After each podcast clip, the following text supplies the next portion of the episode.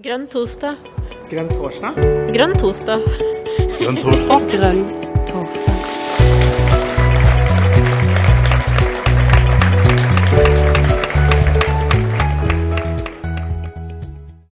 Grønn torsdag. Og, det, og vi skal snakke om eh, hva er det som er bak huet ditt da, Pål? Hvis du bøyer deg litt til huet, så ser vi Hva viser du? Grønn deal, gjør det ikke det? Jo da. Det er det europeisk grønn deal.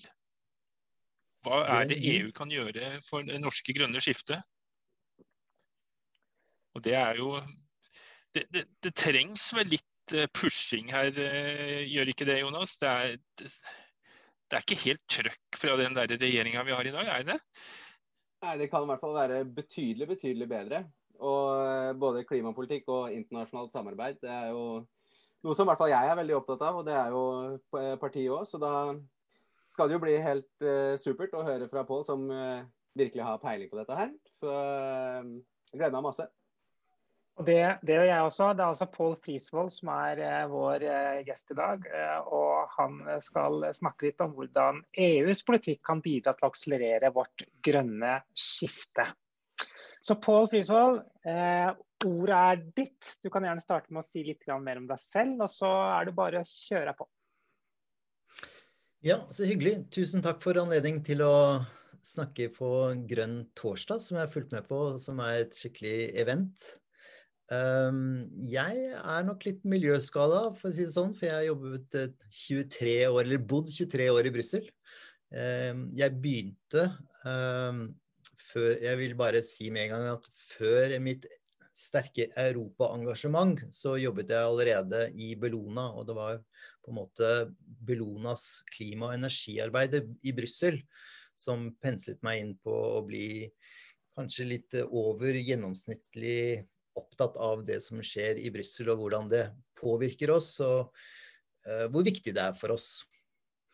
Og eh, i dag så skal jeg snakke om eh, noe som er på alles lepper, i hvert fall i, i, i Brussel og i EU-kretser, som er denne grønne given, the green deal. Jeg har kalt dette innlegget her 'Grønn giv på grønn gren', fordi vi sitter jo på en grønn gren. Uh, og dermed er denne overgangen kanskje litt uh, tyngre og vanskeligere for oss, fordi at store deler av samfunnet har et sugerør i en fossil skattekilde. Skattekiste. Så eh, bak meg så har jeg da vært så frekk, for at jeg er ikke noe glad i sånne powerpoint-presentasjoner. Så jeg vil heller se dere, og at dere kan se meg, og at dere kan rekke opp hånda eller uh, gi eh, tegn eller uh, delta. Så jeg har simpelthen satt denne grønne given uh, bak meg. Og her ser dere, jeg vet ikke hvor godt dere ser det, men dere ser i hvert fall i midten så står det European Green Deal. Eh, og rundt den eh, indre sirkelen her så er det eh, listet opp veldig mange forskjellige områder. Og altså Green Deal er jo bare et konsept. Det var jo Alexandra Acacia Cortez i USA som lanserte kanskje at som en forlengelse fra den amerikanske New Deal før krigen, så ville hun ha en Green Deal. Og så ble det plukket opp av eh, eh, spesielt den franske presidenten og hans partigruppe i Europaparlamentet.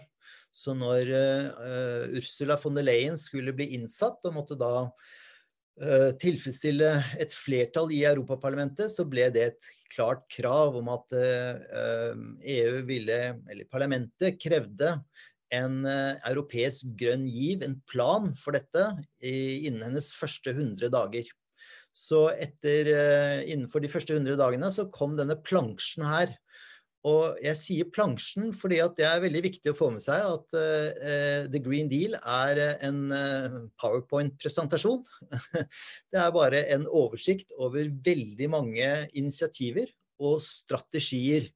Eh, og jeg skal fokusere på fire enkelte som jeg syns er noe av de viktigste initiativene, og diskutere litt på hva det betyr for Norge, og hvordan vi kan delta og ikke delta, og, og, videre. Men uh, de strategiene uh, de er viktige.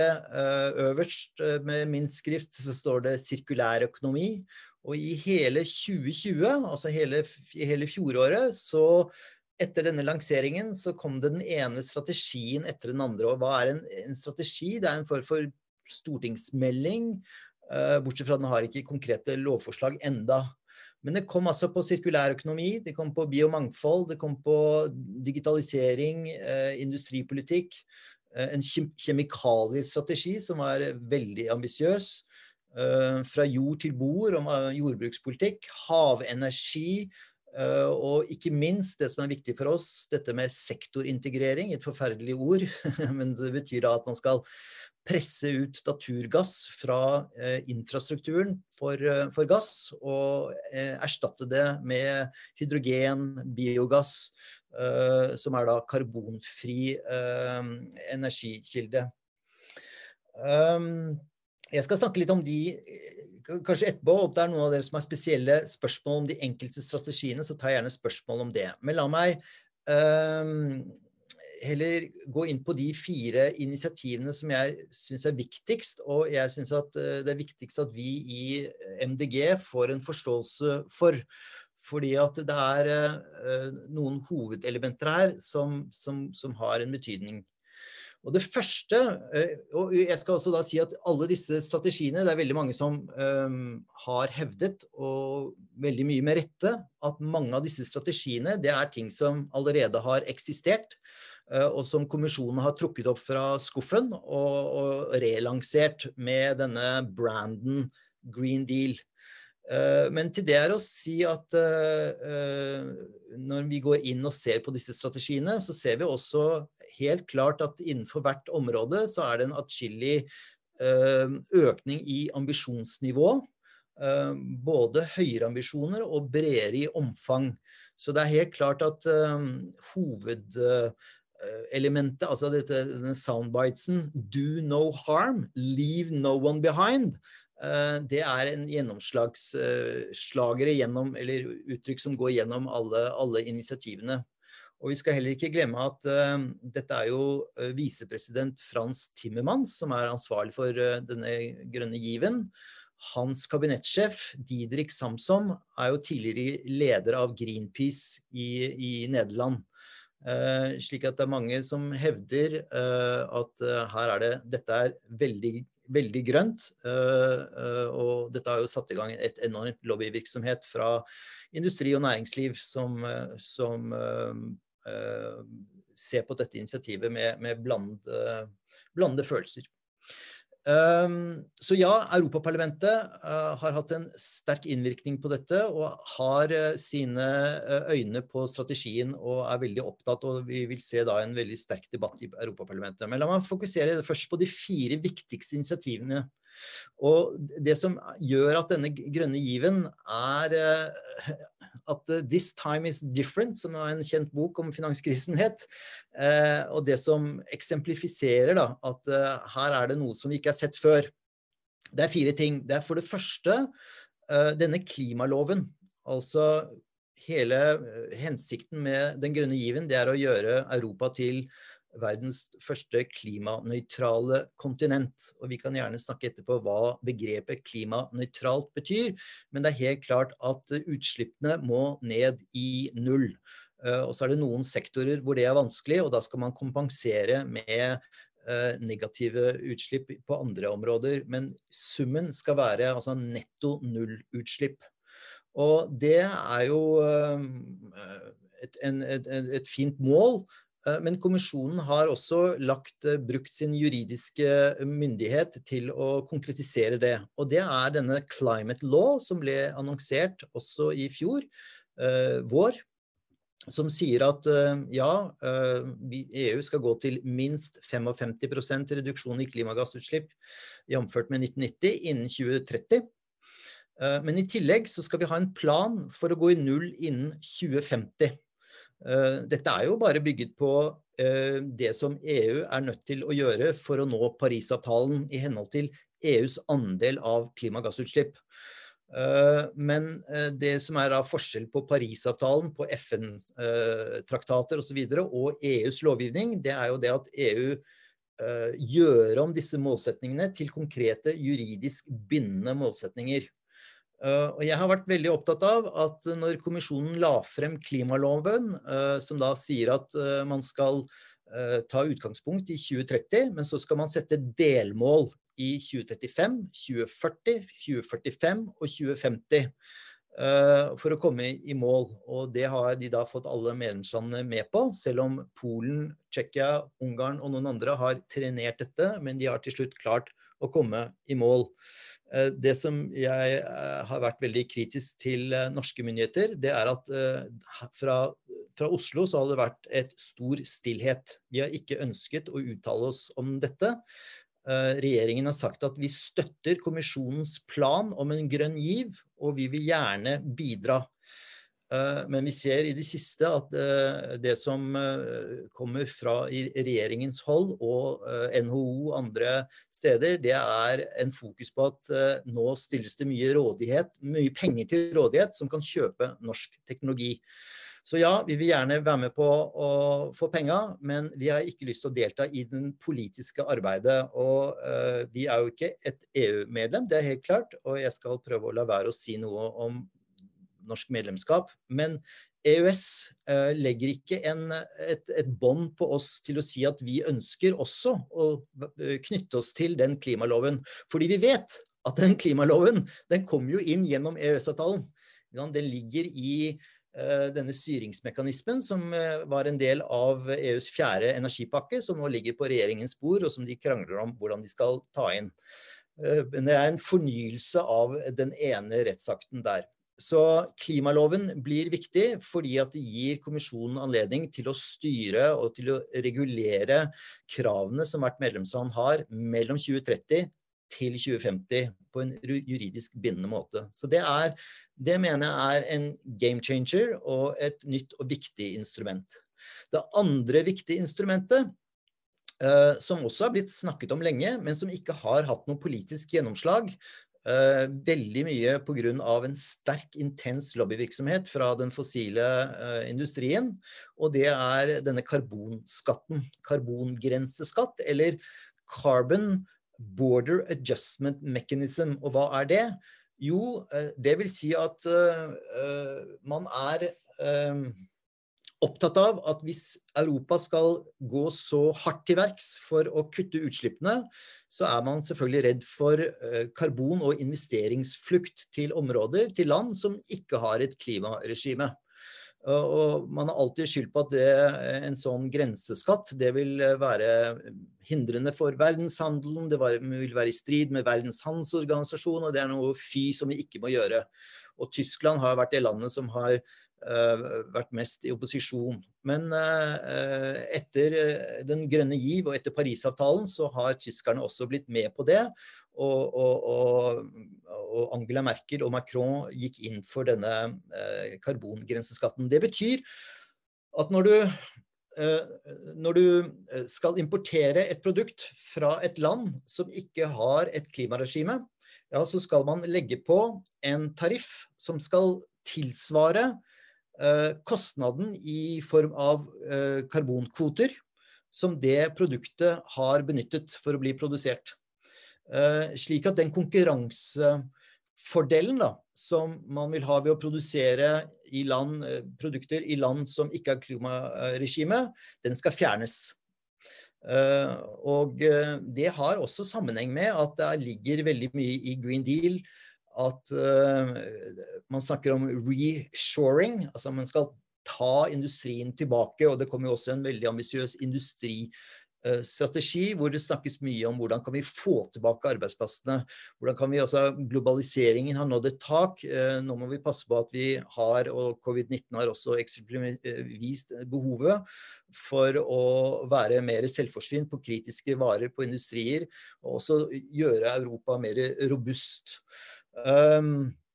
Men også at ikke Europa skal være et åpent land hvor Kina og Sørøst-Asia og andre land kan bare eksportere varer og utkonkurrere den industrien og de økonomiske aktivitetene som da er underlagt et klimaregime hos,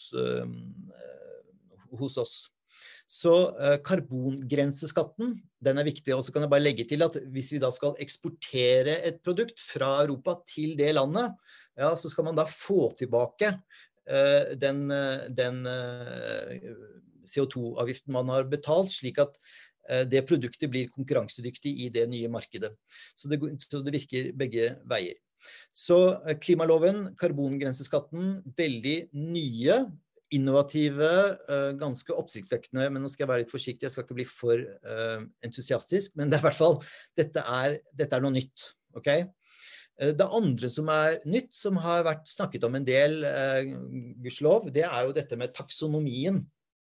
Um, og det er et veldig uh, Altså hele finanssektoren og industrien har plutselig kastet seg på dette. At uh, kommisjonen har sagt at vel, vi har en rekke regelverk vi har karbonprising. Vi har eh, et karbonregime for disse sektorene som er i såkalt ikke-kvotepliktig sektor. Altså eh, transport, eh, bygg, eh, landbruk og avfall, som, som, ikke er en del av kvotepliktig sektor, som er da industri, energi og luftfart. Um, og um, vi har en hel rekke andre regelverk. Vi har uh, industridirektivet, som går på å benytte den beste tilgjengelige teknologi. Vi har uh, regelverk for NOx-utslipp. Altså det er en, en, en, veldig bred rekke med enkelte rettsakter. Altså EU er jo da et, et, et rettssystem. Uh, og um, der der sier kommisjonen at vel, vår erfaring er at dette regelverket er ikke tilstrekkelig fordi at kapitalkreftene eh, går fri. De har ingen eh, klare verken mulighet til å måle eller identifisere hvilke investeringsobjekter som er, som, som er grønne. Og da har de listet opp seks forskjellige områder hvor hver eneste økonomisk aktivitet må i det minste bidra positivt til uh, substansielt, da, som de sier, til en av målsetningene. Og det er da klimaendringer. Det er tilpassing til klimaendringer, det er biologisk mangfold, det er sirkulær økonomi, og det er uh, forurensning. Uh, og det er også ivareta marine uh, og vannområder. Og så sier de også at alle disse aktivitetene må også tilfredsstille det som er normene innenfor uh, sosiale standarder. Altså det, som er satt både av uh, ILO og OECDs retningslinjer for multinasjonale selskaper. Uh, og også EUs lovgivning på arbeidstakers rettigheter osv. Slik at Dette har jo satt et støkk i finansnæringen, fordi at veldig mange innenfor finansnæringen har ønsket å selge såkalte grønne investeringsobjekter, og så har de ikke hatt noen, eh, noen konkrete referansepunkter. Det får de nå. Men Karina, nå, uh, du ba meg stoppe litt. Og jeg, jeg, stopper her, eller jeg tar en liten pause. Eller, fordi jeg vil, jeg vil introdusere noe som jeg syns er viktig. Nå har jeg snakket om denne plansjen, og jeg snakket om disse strategiene. Eh, og jeg snakket om disse fire hovedområdene. Men jeg føler at det er veldig viktig nå at jeg sier noe om hva EU er. Fordi at EU er eh, jeg sier, Oftest i Norge så tror vi det er ondskapens torturkammer, og det er liksom noen store, store eh, maktkonsentrasjoner. Men la meg bare si det helt kort. EU-samarbeidet, eh, e og dette er, eh, altså, det er ikke noe jeg har funnet på, men det er tre ting. Det er en politisk arena og en agendasetter. Og jeg vil kanskje legge til også en, en, en, en kilde til mye god informasjon. Ganske objektiv, for det kommer frem mye forskningsarbeid og mange rapporter som inneholder mye kompetanse og mye uh, interessant informasjon. Um, så det er en politisk arena, en agendasetter, og denne strategien, hele grønne given, er jo et eksempel på at her setter EU agendaen. Her setter de en retning, og det gjør de fordi at EU har utviklet seg, eller EU-samarbeidet som jeg liker å kalle det, har utviklet seg til å bli en, en, en politisk arena. Det er det første. Det andre det er at EU-samarbeidet er jo også et forvaltningsnivå. KS sier hele tiden at EU-EØS det er Norges fjerde forvaltningsnivå, fordi at man fatter beslutninger som har konsekvenser, og man forvalter ressurser. Uh, og, og, og, dette forvaltningsnivået, altså kommune, fylke, stat og det europeiske, det er uh, de fleste folk som ikke driver med politikk og regelverk, de er ikke så opptatt av om, om uh, utslippet av svovelbegrensninger kommer fra kommunen eller kommer fra Europa. Eh, men det kommer i hvert fall ikke fra kommunen, for det er eh, da eh, selvfølgelig det europeiske regelverket som setter begrensninger for industriens utslipp av svovel, NOx osv. Så, videre. så det er et forvaltningsnivå. Og så er det til slutt et felles rettssystem. Og det er EØS. EØS er jo ikke noe handelsavtale, det er et felles rettssystem på 35 identifiserte områder.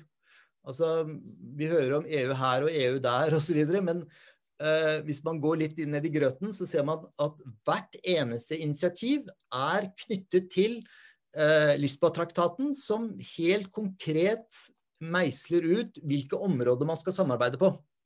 Så eh, når covid-19 kom opp og det ble kaos i Europa, så er jo ene grunnen det at helsepolitikk er ikke et område Eh, som EU har noe særlig eh, kompetanse på. Det er det nasjonalstatene. Sammen med skatt, sammen med trygd, sammen med eh, en, en rekke andre, andre, områder. Men på de områdene hvor de er blitt enige om å samarbeide, så er det et felles rettssystem.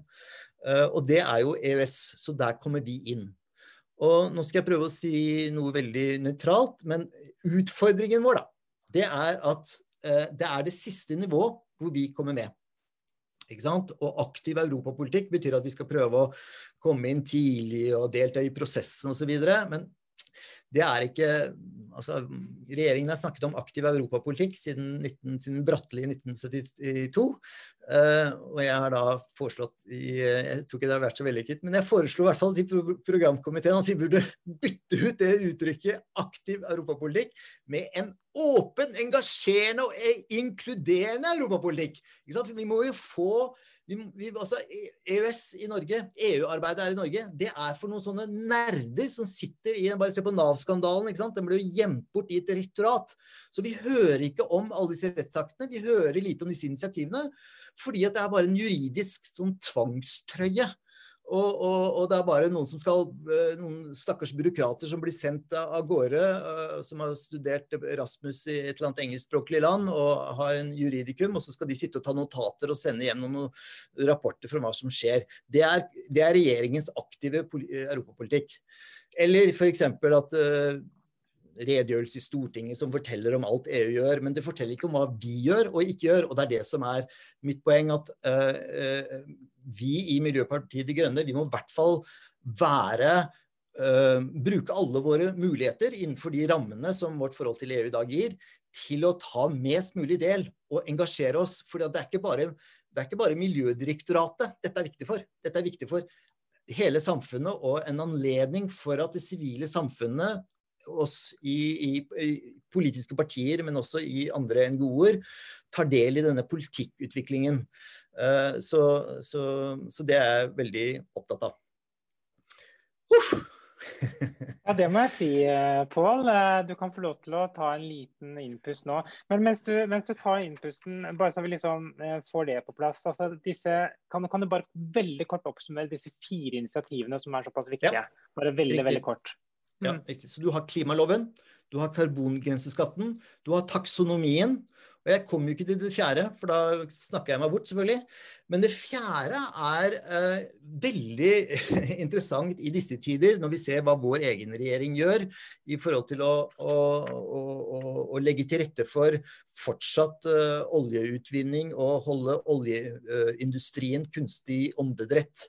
Og det er dette nye budsjettet, dette nye redningsfondet, som da kommisjonen har kalt på litt sånn propagandavis Next Generation EU. Eh, det er liksom Europas Hamilton moment. Og Hamilton moment det kom da fra den tiden president Hamilton gjorde Amerika fikk et føderalt budsjett. da. Amerika fikk et føderalbudsjett. Vi har fått, eller Europa har fått 750 milliarder euro. Det er mye penger. Um, uh, som de har tatt opp Eller det er, et, et, det er, penger de skal ta opp på finansmarkedet.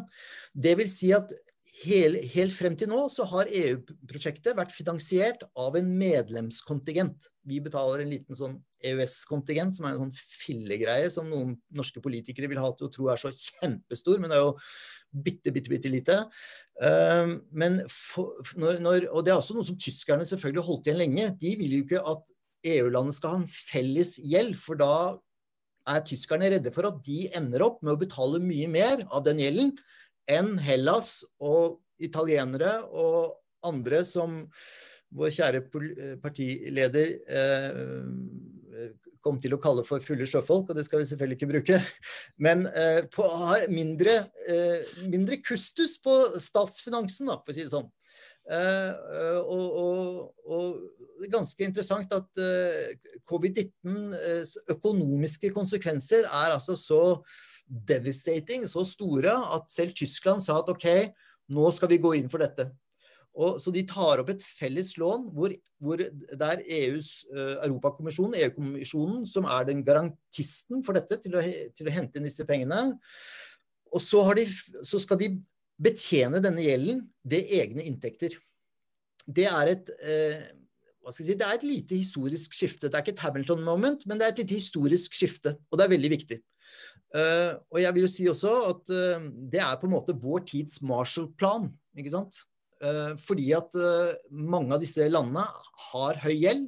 Og hvis de skal komme ut av krisen ved å ta opp mer gjeld, så tynger det dem og holder dem nede. Men disse friske pengene Eh, de blir viktige for at EU-landene skal komme seg ut. Og Sverige var skeptisk, Danmark var skeptisk, Finland var skeptisk, selvfølgelig. Men de så at hele deres økonomi er jo veldig avhengig av at Europa fungerer.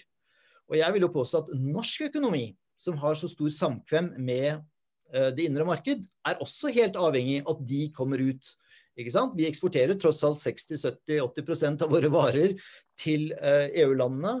Og hvis ikke de klarer å reise kjerringa, så får det økonomiske implikasjoner for oss. Så jeg syns at uh, denne stillheten som vi har sett fra uh, regjeringskvartalet og Stortinget og det politiske miljøet, hvor ingen har tatt, bortsett fra Erik Solheim og, og undertegnede og Eva Jolie, har forsøkt å reise liksom Hør nå her. Dette er vår generasjons Marshall-hjelp, Marshall-plan. Norge eh, etter krigen var det landet som fikk mest penger per innbygger av alle de 17 landene som mottok Marshall-planen.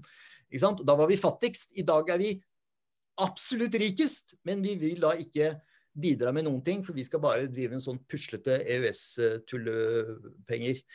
Eh, så det, er, eh, det, synes, det, gjør vondt i mitt eh, solidariske hjerte. Men jeg skjønner at mitt europeiske solidaritetshjerte er litt større enn de fleste. Men jeg syns det, det, er viktig at vi, ikke, at vi burde stille oss det spørsmålet. Burde ikke vi være med på det? Og Det som er interessant med de pengene, halvparten skal jo da betales tilbake av egne inntekter. Og her kommer noe som er spennende. Her kommer noen som er spennende. For det første så skal det betales tilbake ved inntekter fra denne karbonskatten. Ikke sant? Alt henger sammen med alt. Uh, og Det har også gjort at tyskerne og de andre skeptiske landene som ikke ønsket en karbonskatt som kan få konsekvenser for uh, handelsomfanget, de har sagt at ok, hvis dette kan bidra til at vi betjener gjelden vår, så er det bra. Og allerede fra 1.1 i 2021 så har EU innført en plastskatt. Altså en skatt på ikke-gjenvunnet uh, plast på emballasje. Eh, som er på 8000 kroner per tonn. Altså det er eh, 30 ganger så mye som vi har i Norge eh, på vår produsentansvarsordning. Og Det er klart at det er et veldig viktig instrument. Vi har ikke sett begynnelsen på konsekvensene engang, men nå er det mange land som er inne i og liksom, begynner å tenke på hvordan kan vi bruke denne skatten til å endre atferd når det gjelder uh, å, ha en skikkelig avgift på plast som kan få reduksjon i produksjon og, og um, konsumasjon av, av, plast, som vi vet er et veldig veldig stort miljøproblem. Og så skal de også innføre en kapitalskatt, denne Tobin-skatten som, eh, som, Attac har vært veldig mye opptatt av uh, og drevet frem. Uh, den står også på EUs agenda, slik at de vil innføre en liten, men veldig symbolsk og viktig og potensielt uh, stort inntektskilde på finansmarkedets spekulasjoner. Det er jo altså ja, mange som har snakket om dette. Obama har snakket om det, Biden har snakket om det, Macron i mange år. Men nå nå eh, ligger det prosjektet i, eh, på bordet i EU, og det blir veldig, veldig viktig. Så skal de også eh, bruke inntektskilder fra å utvide kvotehandelsdirektivet, ETS, til å gjelde skipsfart. Og igjen, jeg skal jo ikke bruke denne tiden deres til å bare kritisere regjeringen, altså, men jeg er jo veldig opptatt av at vi en at vi, til, vi, er, vi bruker ikke de mulighetene vi har. Og så um, og så trenerer vi faktisk veldig mye god EU-lovgivning. Altså om EU er bra eller ikke, men det er, det er gode initiativer. Utvide kvotehandelen til den maritime næringen.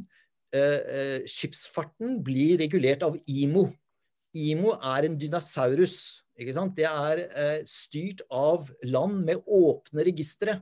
De har knapt klart å vedta hvordan de skal måle CO2-utslipp. Og så har de kommet med noen sånne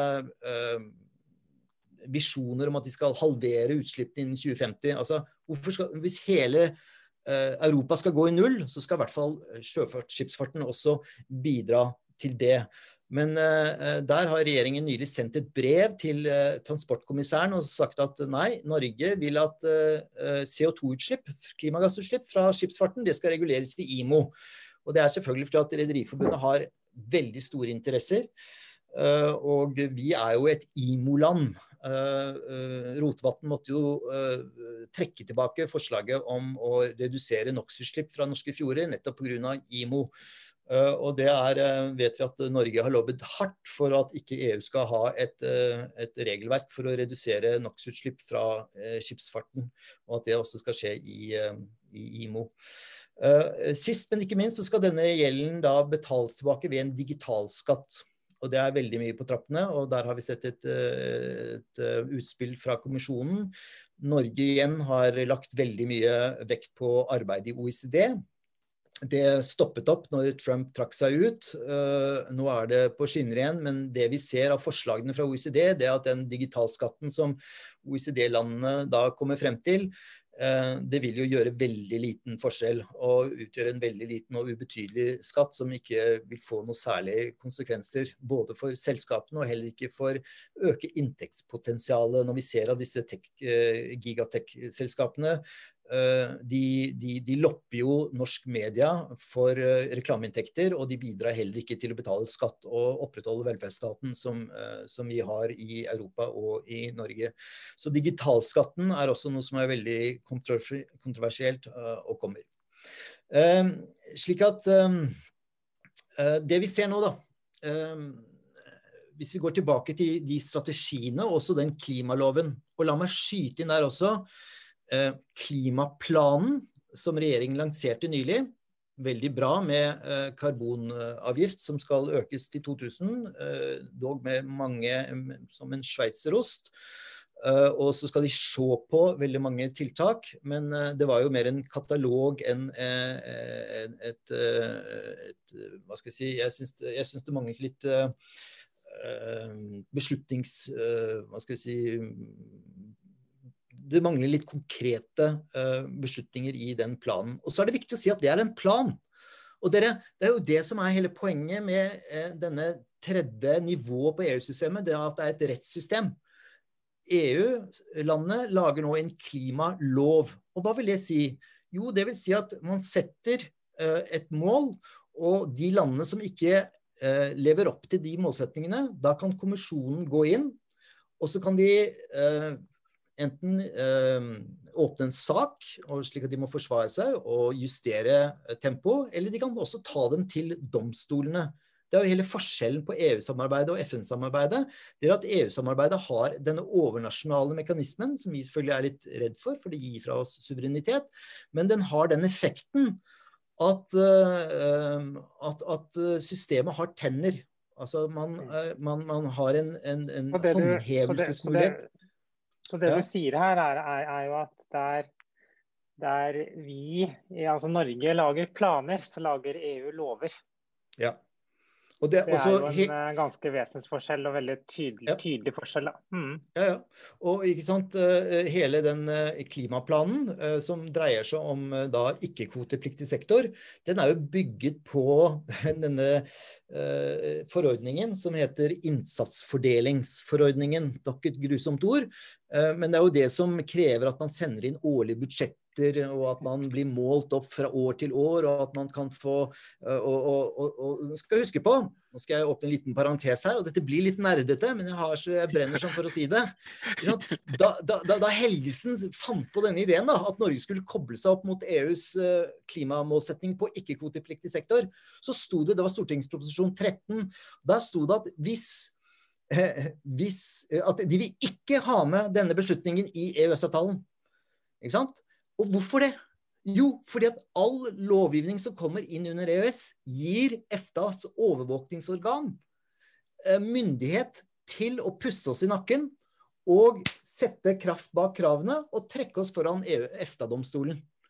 Men det ville ikke regjeringen. Det ville ikke eh, Helgesen i den. Og så har de forhandlet i, i fem år for å prøve å holde denne, eh, denne forordningen da, om innsatsfordeling utenfor EØS-avtalen. Og kommisjonen bare sa at har dere røyka sokka deres, eller hvordan kan dere tenke på at Altså, de sa det kanskje ikke helt på den måten? Nei, altså, det var en finne da. Det var en finne som var saksbehandler i DG Klima, som jeg snakket med. For jeg lobbet jo veldig hardt for at nå må dere passe på. da. Han bare sa liksom Pål, Don't even think about it. They're never going to succeed. ikke sant? Og, og, men det tok sin tid, da, for regjeringsapparatet har et enormt propagandaapparat. ikke sant? Uh, men uh, hvis du ser uh, Kjetil Alstaheim i Dagens Næringsliv, han var veldig mye på den, og det ble et tema til slutt. Og så, så kom Elvestuen da frem med et kompromiss, og det er at det skal i stedet for å legges inn i et anneks, så skulle det legges inn i en protokoll. Men hele poenget her Eh, det er at eh, Sveinung Rotevatn sa på pressemeldingen at dette gir ESA anledning til å påse at vi når, måle, når må, våre målsetninger. Eh, og denne klimaloven, når den ble lansert, både Ine Marie Eriksen Søreide og Sveinung Rotevatn, når de hadde denne redegjørelsen for Stortinget i februar i, år, i fjor, så begynte begge eh, innleggene sine med at eh, ja, vi ønsker å delta i 2030-målene, men vi er ikke bundet av EUs 2050-mål. Det måtte de si, for OED er helt, helt knalla på det at det skal vi ikke knytte oss til. Vi, vi hører at du, er, at du, er, veldig engasjert, Pål, og det er veldig veldig kult. Og så vil jeg gjerne minne dere andre på at det er mulighet til å rekke opp hånden, stille spørsmål osv. Eh, Eh, slik at Pål får pusta litt også. Eh, sitter du inne med et spørsmål, eller, Jon? Nei, det var vel først og fremst det samme som deg jeg hadde tenkt å si. Og, men jeg, ja, nå ser vi, For hvis ikke det kommer på noen, eh, Karina, så tenkte vi på for det er en sånn startknapp på Pål, så da kunne du bare dratt i gang igjen. Ja, jeg, jeg, har et, jeg, har et, par spørsmål liggende inne, men vi kan jo slippe til folk først. Så vi kan jo starte ja. med den som står øverst på opprekkingslisten, og det er Karsten Øie. Karsten, ordet er ditt.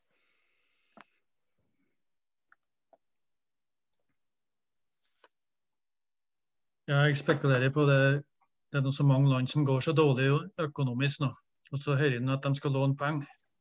Og EU skal låne en stor sum med penger. Og hva de skal låne han igjen? Er Kina, eller? ja, nei, altså Problemet i vår vestlige verden i dag, eller i verden i dag, det er jo at det er altfor mye penger ute og går.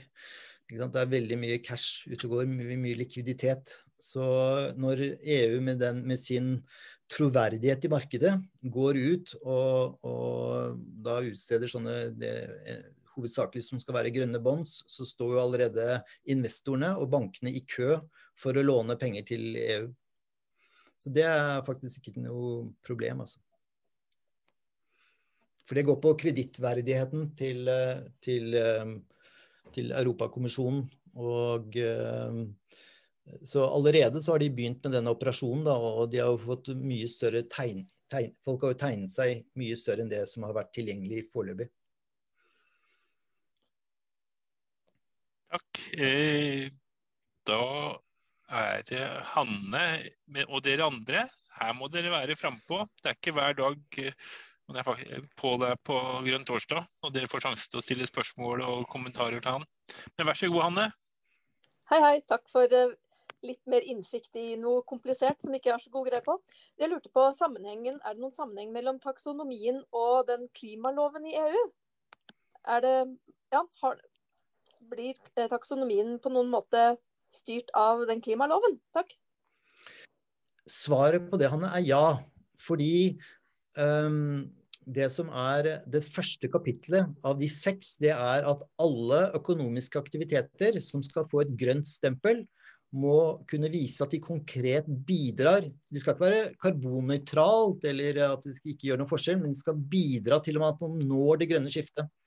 Derfor sier kommisjonen f.eks. at, eller denne taksonomiutkastet, at eh, det å investere i eh, et eh, elektrisk elektrifisering av supply-båter til plattformer i Nordsjøen, eller elektrifisere sokkelen for den saks skyld, det vil ikke kunne få et grønt stempel. Fordi det bidrar ikke, det, det, det, det bidrar ikke til det langsiktige målet. Og Tvert imot så bidrar det til at utslippene fra oljeproduksjonen går ned, og at man dermed gir den industrien en anledning til å holde på lengre. Uh, slik at er, Det er absolutt 2050-målet som er ledesnoren for, for taksonomien. Takk. Eh, Jonas, Eh, du brygger på et eller annet. Ja, jeg brygger på et eller annet. Eh, takk, Pål, for eh, god innledning. Og eh, jeg lurer litt på dette med eh, at vi ikke bruker det mulighetsrommet som er, da, at regjeringa ikke gjør nok. Men så sier du også at vi sender eh, brev for å, og lobber for å ikke være så forplikta. Mm. Så jeg lurer på, er på en måte problemet at vi er aktive, men vi gjør feil ting? Eller er det det at vi ikke er eh, aktive nok? Og har du på en måte noen konkrete eksempler da, eh, på eh, hvordan kan Norge innafor EØS-avtalen Hva kan vi gjøre? Ja.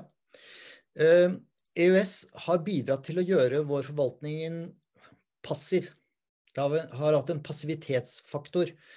Når jeg er i skikkelig dårlig humør, så sier jeg at det lammer hele forvaltningen. Men la oss si det passiviserer. da. Eh, og at eh, på veldig mange områder eh, dere kan se det til daglig i pressen, så sier alltid folk fra regjeringen eller myndighetsapparatet at vi må vente på EU. Sånn?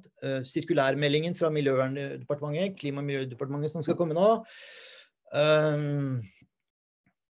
Ja, nå er den blitt utsatt og utsatt og utsatt, men det er også veldig mye for at de vil vente på EU. Ikke sant? Det er noen områder hvor vi vil være best tjent med å koordinere oss med EU. Men det er veldig mange områder hvor vi har anledning til å sette uh, mye sterkere krav. La meg gi deg et eksempel. Danmark har vedtatt at de skal redusere klimagassutslipp med 70% innen 2030. Ikke sant? Uh, så alle disse kravene, eller størstedelen av kravene, er jo minimumskrav. Ikke sant? Så vi kan godt gå lenger. Uh, og så er det blitt en sånn jeg vil si at under den forrige rød-grønne regjeringen, da, eh, så ble det en sånn slags konkurranse i Eller det ble en sånn kultur i forvaltningen at vi må Og dette er veldig mye OED-styrt, for at Olje- og energidepartementet er jo livredde for EU. Ikke sant? For dette er jo altså Gassmarkedet vårt er i ferd med å, å, å, forsvinne. Det var en stor webinar i går om taksonomien, hvor kommisjonen sa at ja, vi, nok, vi vil nok uh, opprettholde uh, gassforbruket til 2030, men fra 2030 til 2035 så kommer det til å gå drastisk ned. Uh, og i den konsekvensutredningen så står det at gassen vil bli redusert med 25 uh, innen 2030 bare innen 2030. ikke sant? Men vi skal til null i 2050. slik at her legges det en veldig systematisk plan. Og, men problemet er at EU har jo ikke kompetanse på energi. EU kan ikke bestemme hvilken energikilde hvert land. Men det de kan gjøre, de kan regulere markedene, og de kan regulere i forhold til klimakravene. Og det vil si at at EU er litt bundet, hendene deres er litt bundet fordi at de må bruke de redskapene de har til rådighet. Og da er det vokst seg frem en kultur i norske forvaltninger at vi skal bare ta over nøyaktig det vi må. Ikke sant? Vi røver bare det vi må, og det som vi behøver, pleier jeg å synge til barna mine. Og det er sånn EØS-sang. Vi røver bare det vi må. Og det er det vi gjør i Brussel. Vi røver det vi, bare det vi må, men ikke noe mer. Uh, og, og uh, altså dette, denne Skipsfarten er jo bare ett et eksempler, men du har også en, en, del andre eksempler hvor vi ligger veldig, veldig lavt. Uh, hva kunne vi gjort?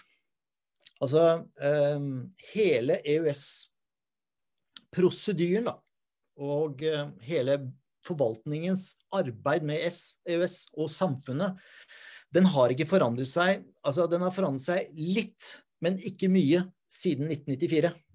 Miljøverndepartementet er kjempeflinke til å holde webinarer, eh, koordineringsmøter, prøver å engasjere. Og det er derfor jeg legger vekt på dette ordet. Vi må ha en engasjerende uh, uh, europapolitikk. Og Det er det Miljøverndepartementet prøver å gjøre når de har et webinar med noen fra kommisjonen og inviterer bredt ut for å få norske eh, samfunnet til å forstå hva er det som kommer. Så, så Miljøverndepartementet skal ha all mulig, kred for det. Og så kan du gå til uh, Olje- og energidepartementet. Der skjer det ingenting. De vil ikke nevne det engang. ikke sant? Eh, fordi de har en helt annen, uh, annen interesse. Um, og uh, vi har en sånn jeg skrev da en bok for noen år siden som het 'Mot Europa fortellingen om et nølende Norge'. og Det er liksom sånn gjennomgangsgreie at vi er, vi er, veldig nølende. De sier hele tiden ja, men la oss må vente. De får nok ikke dette til, så la oss heller liksom sitte La oss ikke gå liksom frempå nå. Nå får de krangle ferdig der nede, så får vi se på om dette er noe nyttig for oss. Og den, liksom, den, husmannsholdningen har vi hatt eh, ja, vi har hatt i 200 år, ikke sant? Eh, fordi at vi var fattige, vi var eh, små, vi var sårbare, ikke sant. I dag så Og vi var langt borte. I dag så er ikke distanse har ikke den samme betydningen. Og vi er, verdens, vi er, vi er det rikeste landet, og vi er jo det landet som da uh, har den mest åpne økonomien. Vi, er, vi eksporterer fjerde mest av alle EU-landene til andre, andre EU-land. Så jeg mener at uh, forvaltningen kunne jobbe annerledes. Miljøverndepartementet gjør mye bra, men vi kunne også gjøre veldig mye på andre områder. Jeg vil f.eks. Nå skal jeg fatte meg i korthet, men Norge har et stort hus i Brussel. Vi har et stort hus i Brussel som står helt tomt! Det er to-tre etasjer som er tomme. Altså, Regjeringen må jo si at OK, EØS det er liksom grensen til kolonigreier for at vi andre bestemmer for oss. Da må vi i hvert fall legge til rette for at vi støtter organisasjoner som ønsker å være til stede og jobbe med sine respektive områder. Når Regnskogsfondet ønsket å åpne kontor i Brussel for å jobbe med, eh, med, med, med, skogpolitikk, internasjonal skogpolitikk, så sa til slutt eh, Miljøverndepartementet at nei, dere får ikke penger, fordi at vi vil ikke at norske aktører fra sivile samfunn skal gå i beina på europapolitikere når vi kommer med våre statsråder. Så vår forvaltning er veldig EØS, det er noe som de eier. Men det er det EU var i 1986. Da var det 350 små tekniske, som Giske sier. EØS er skruer og muttere. Det var skruer og muttere. Og da var det regjeringens, direktoratene, departementene, de måtte ha kontroll. Men siden det så har det vært en total omveltning. Hvor du har fått eh, altså Europaparlamentet, du har fått nye institusjoner, du har fått en mye bredere omfang. Slik at eh, norske myndigheter, EU-delegasjonen, jobber jo som om det var ambassaden i Jakarta. Hva skjer? Eh, vi må lage en rapport og sende hjem. Jeg tror vi, jeg tror vi skjønner poenget, Pål. Det er eh, flere som står i kø som ja. vil stille noen spørsmål. Um, så skal vi slippe det til før klokka blir leggetid. Så, så, så, tror jeg nesten jeg må bare være litt strengere på, på, på ordstyringa. Uh, Tove, vær så god. Ja, hei. Jeg Hører du meg, forresten? Ja. Det gjør vi. Uh, jeg lurer på om EU eh, e har en måte på å implementere taksonomien via EØS, sånn at Norge er nødt for å forholde seg til den, eller blir det sånn som vanlig at de bare kan drive med cherry picking? Godt spørsmål. Um, to, to, korte svar. For det første så blir taksonomien så uh, dominerende for hele finansmarkedet at uh, om vi tar det inn i norsk lov eller ikke, så må både norske finansinstitusjoner og bedrifter helt sikkert forholde seg til det. Jeg jobber til daglig i Sintef, og vi jobber mye med hvordan taksonomien treffer forskning og innovasjonssektoren. For de skal også ha en rolle i dette. Men uh, Norge har allerede signalisert at vi skal ta over taksonomien. Og den uh, første reguleringen er ute på høring i disse dager. Så ja, det blir en del av norsk lov også. Og det er veldig bra. Det tror jeg kan bli spennende for mange, og sikkert, vi kommer sikkert til å høre noen som beklager seg også. Eh, Katrine, vær så god, ordet er ditt. Tusen takk, eh, Pål. Utrolig klargjørende og veldig fint å få fire, fire, punkter. og Dette er det som skjer. Jeg er så utrolig glad for at du gir disse rapportene, og ikke bare stemningsbilder, men tydelig melding om hvor egentlig slaget står. Jeg kan bare bifalle og ha fulgt hvor betydningsfullt EU, EUs arbeid har vært for introduksjon til sirkulær økonomi. Jeg jobber fulltid med hvordan kan vi jobbe med næringsutvikling og sirkulær økonomi som egentlig et utviklingsområde for all norsk næringsutvikling i tida framover. Fordi at sirkulærøkonomien kommer jo som en utrolig vesentlig del av klimaløsningen. Og jeg har, du snakker både om OED og KLD, men jeg har veldig lyst til å snakke om eh, KMD, Næringsdepartementet og digitaliseringsministre og egentlig det finansielle. Fordi at Én ting er hva EU gjør, men jeg har veldig lyst til å høre hvordan du ser hvordan de ulike landene forsøkte å lære hvordan de ulike nasjonene har, tolket, har liksom tatt EU-grepet og over, oversatt det. Og de 10-12-14 ulike nasjoner som kommer med nasjonal strategi, så er det stort sett finans, næring eh, eh, eller økonomiske myndigheter som leder an. Og det er jo vår nasjonale nabo, det er Jyrki Katainen, som egentlig kjørte fram dette da han var vise president for jobbskaping. Og det, når du kan så mye om det som skjer i KLD, altså klima og miljø, vi har jo blitt veldig sånn KLD som eier dette forretningsområdet i Norge. Men det betyr at når uh, Linda Helleland sier at digitalisering har ikke noe med bærekraft å gjøre, så er vi jo mange som ikke aner hvor vi skal begynne. Så når du sier disse fire punktene, som er bare å pugge, klimalov og karbonskatt, og vi skal, skal lære med taksonomi, så tenker jeg, Hvor lang tid kommer dette til å bli introdusert? altså Hvis det ruller og går liksom EØS-løpet, er det et separat løp? og Hvordan kan vi vente at dette kommer uansett? Hvor mye tror du det henger sammen med den eh, såkalt ventede eh, sirkulærstrategien, som det er veldig få som egentlig har særlige forventninger ja. til? Ja. Sånn Vet du hva, Katrine, veldig godt spørsmål. La meg forsøke å svare på det kort. Men eh, det første jeg vil si, det er at eh, vår oppfatning, fordi at vi har vært i dette EØS-koma, som jeg kaller det, uh, det er at eh, EU bare kommer med én løsning eller én pekefinger. Så det vi går glipp av da, det er jo at dette er en prosess. ikke sant? Det er konsultasjonsprosesser, det er politiske debatter. det er, ikke sant? Og da gjelder det å mobilisere alle gode krefter for å komme frem til felles løsninger på felles problemstillinger.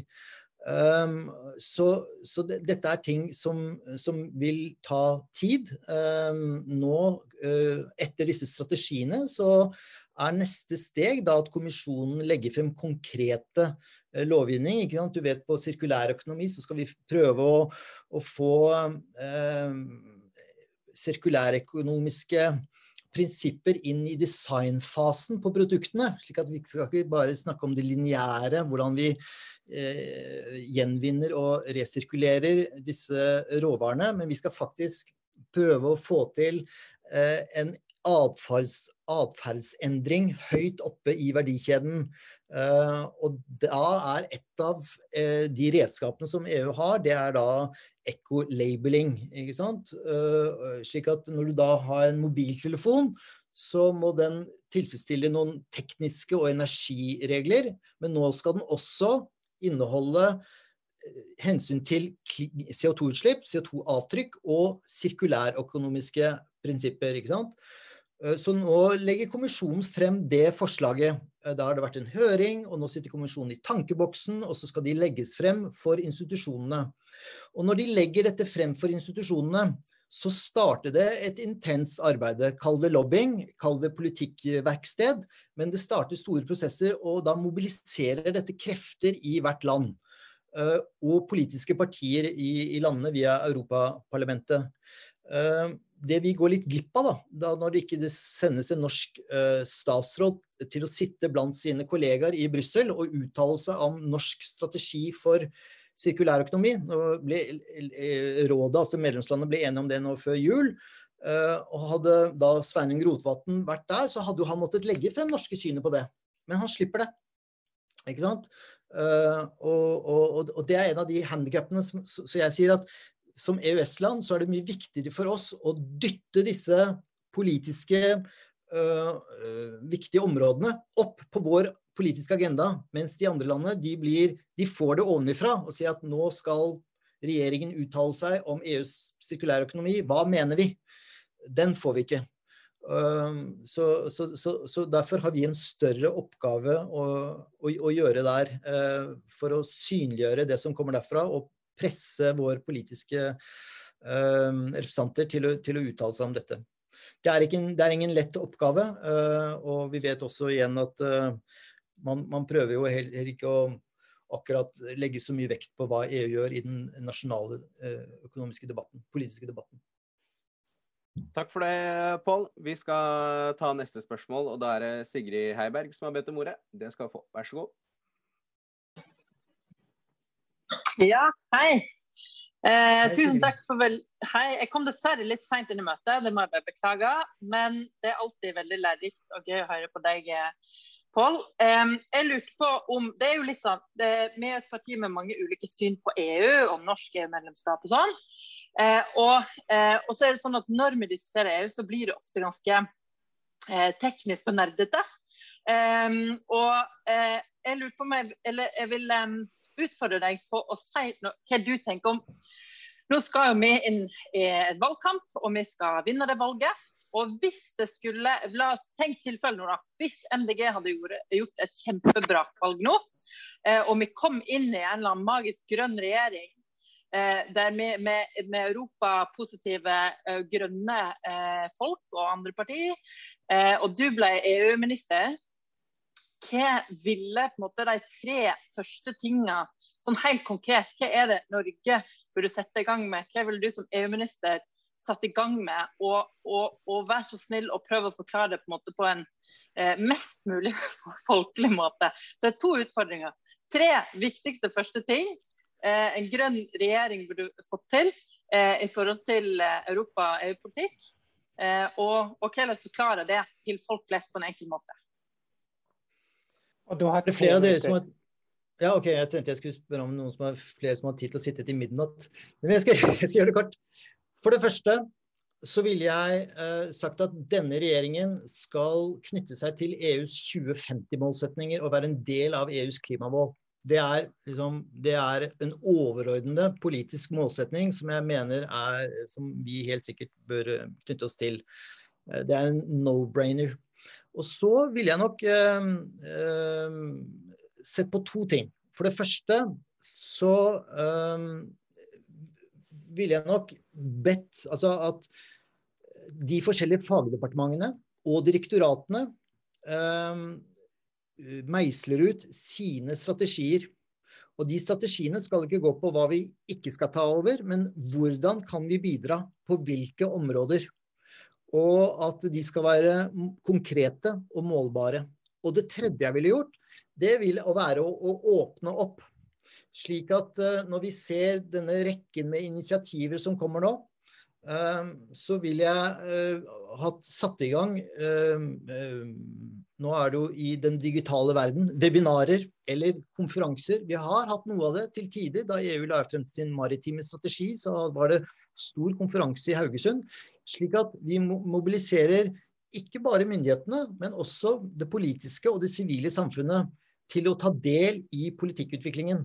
På samme måte som sine eh, kollegaer gjør i landene rundt oss. Det vil kreve litt mer av oss, fordi at vi har ikke de samme me mekanismene. Men det er ingenting innenfor vår EØS-eksistent som legger noe bånd på oss og ikke gjør det. Slik at uh, Hvorfor har vi ikke en diskusjon om uh, hva er det beste prissignalet for skipsfarten? Er det å vente på IMO? Er det uh, EUs kvotehandelsdirektiv? Er det andre mekanismer? Slik at vi trekker inn den europeiske dimensjonen mye mer i eh, den nasjonale politiske debatten. De tre tingene vil jeg satt i gang. Er du fornøyd med svaret, Sigrid? Veldig fornøyd. Veldig bra, takk skal du ha. Gunn Kari, da kan du få lov til å stille spørsmål. Du får æren av å stille det siste spørsmålet i kveld. Fantastisk møte, og takk Pål for at du stiller opp så fantastisk for oss. Det er eh, første gangen, nesten første gangen jeg er med på det Grønn torsdag. Fantastisk. Pål, du kommer med en del eh, stikk til, eller til OED og gass, norsk gass. Eh, hva er status på de store, langsiktige gassavtaksavtalene som norsk gass er og har vært avhengig av overfor EU? Hva er status, hva har vi gått inn nå? Er EU villig til de langsiktige, store avtalene? Og er det EU sentralt, eller er det det enkelte land som går inn i de avtalene? Takk. Takk, Gunn Kari. Veldig eh, godt, men vanskelig spørsmål. La meg først si at uh, da jeg, jeg jobbet uh, på slutten Jeg jobbet for Bellona frem til 2013. Og en av de tingene som vi rev oss mest i håret på, det var jo at regjeringen dro til Brussel og uh, forsøkte å svekke EUs lovgivning på energieffektivisering. For at dess mindre energi de bruker, dess mindre gass vil de ha behov for. og det, det det vakte veldig mye oppsikt. At uh, Norge som har så sterke økonomiske interesser Vi ser på hydrogenproduksjon i dag, uh, hvor det er selvfølgelig viktig at uh, vi kan også bruke blå hydrogen, altså med naturgass med karbonfangst og -lagring. Men strategien til EU er jo å produsere hydrogen med fornybar kraft, med elektrolyse. Og at da man produserer mye av den fornybare, ikke bare i Europa, men også i Nord-Afrika, slik at vi kan skape arbeidsplasser og økonomisk vekst i et eh, migrasjonsintenst område for å, for, å, for å, få bukt på det problemet også, eller for å dempe det presset. Og Det er klart at det har en mye større politisk backing å hjelpe Nord-Afrika enn å hjelpe Norges pensjonsfond utland. Det skal ikke mye Slik at uh, vi, vi, Der uh, syns jeg nesten vi har vært litt, uh, litt ufine. Men så er det sånn at uh, vi inngikk en trollavtale i begynnelsen av 80-årene. Og vi bygget uh, infrastruktur, rørledninger, og det har vært uh, markedsbasert. Og det har vært mellom Norge og enkeltlandene. Men siden det så har EU kommet opp med veldig mye lovgivning. Både på konkurransepolitikk, at man ikke kan forfordele, at rørene må være åpne for tredjeleverandør osv. Og, så og nå kommer dette presset for fullt med at man skal da samme som man gjorde med fornybar kraft. da, At uh, man, uh, man, ga fornybar kraft en preferanse i infrastrukturen, griden, slik at det ble etterspørsel etter fornybar før kraften som var produsert på fossilt, altså på kull. Det vil man også nå innføre for, for, gass, slik at du får ren hydrogen og du får biogass foran fossilgass. Eh, slik at uh, Svaret er ikke så enkelt, fordi at uh, dette har med bilaterale avtaler som Norge har gjort, og de store investeringene. Men vi ser at EU går ganske systematisk til verks.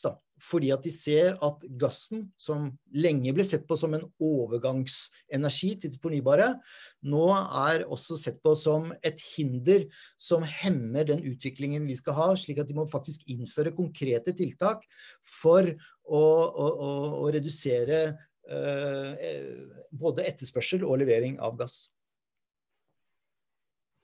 Tusen takk, eh, Pål. klokka er fem over ni, og vi skal gå inn for landing. Og hvis ikke vi får en åpen, nysgjerrig og engasjert debatt om europapolitikk i partiet etter det her, da vet ikke jeg. det har vært en glede å ha deg som gjest. Og jeg vil bare si tusen takk for at du tar deg tida og eh, deler av kunnskapen din. Og tusen takk til alle som har vært med og stilt spørsmål. Det er ikke Grønn torsdag uten at eh, vi får mange gode bidrag. Eh, så tusen takk til alle sammen. Eh, neste uke så er det Benedicte Lund som kommer på besøk. Og da skal vi bli bedre kjent med vår førstekandidat i Østfold. Og da er det førstekandidat til Back. Det gleder vi oss til. Yeah. it.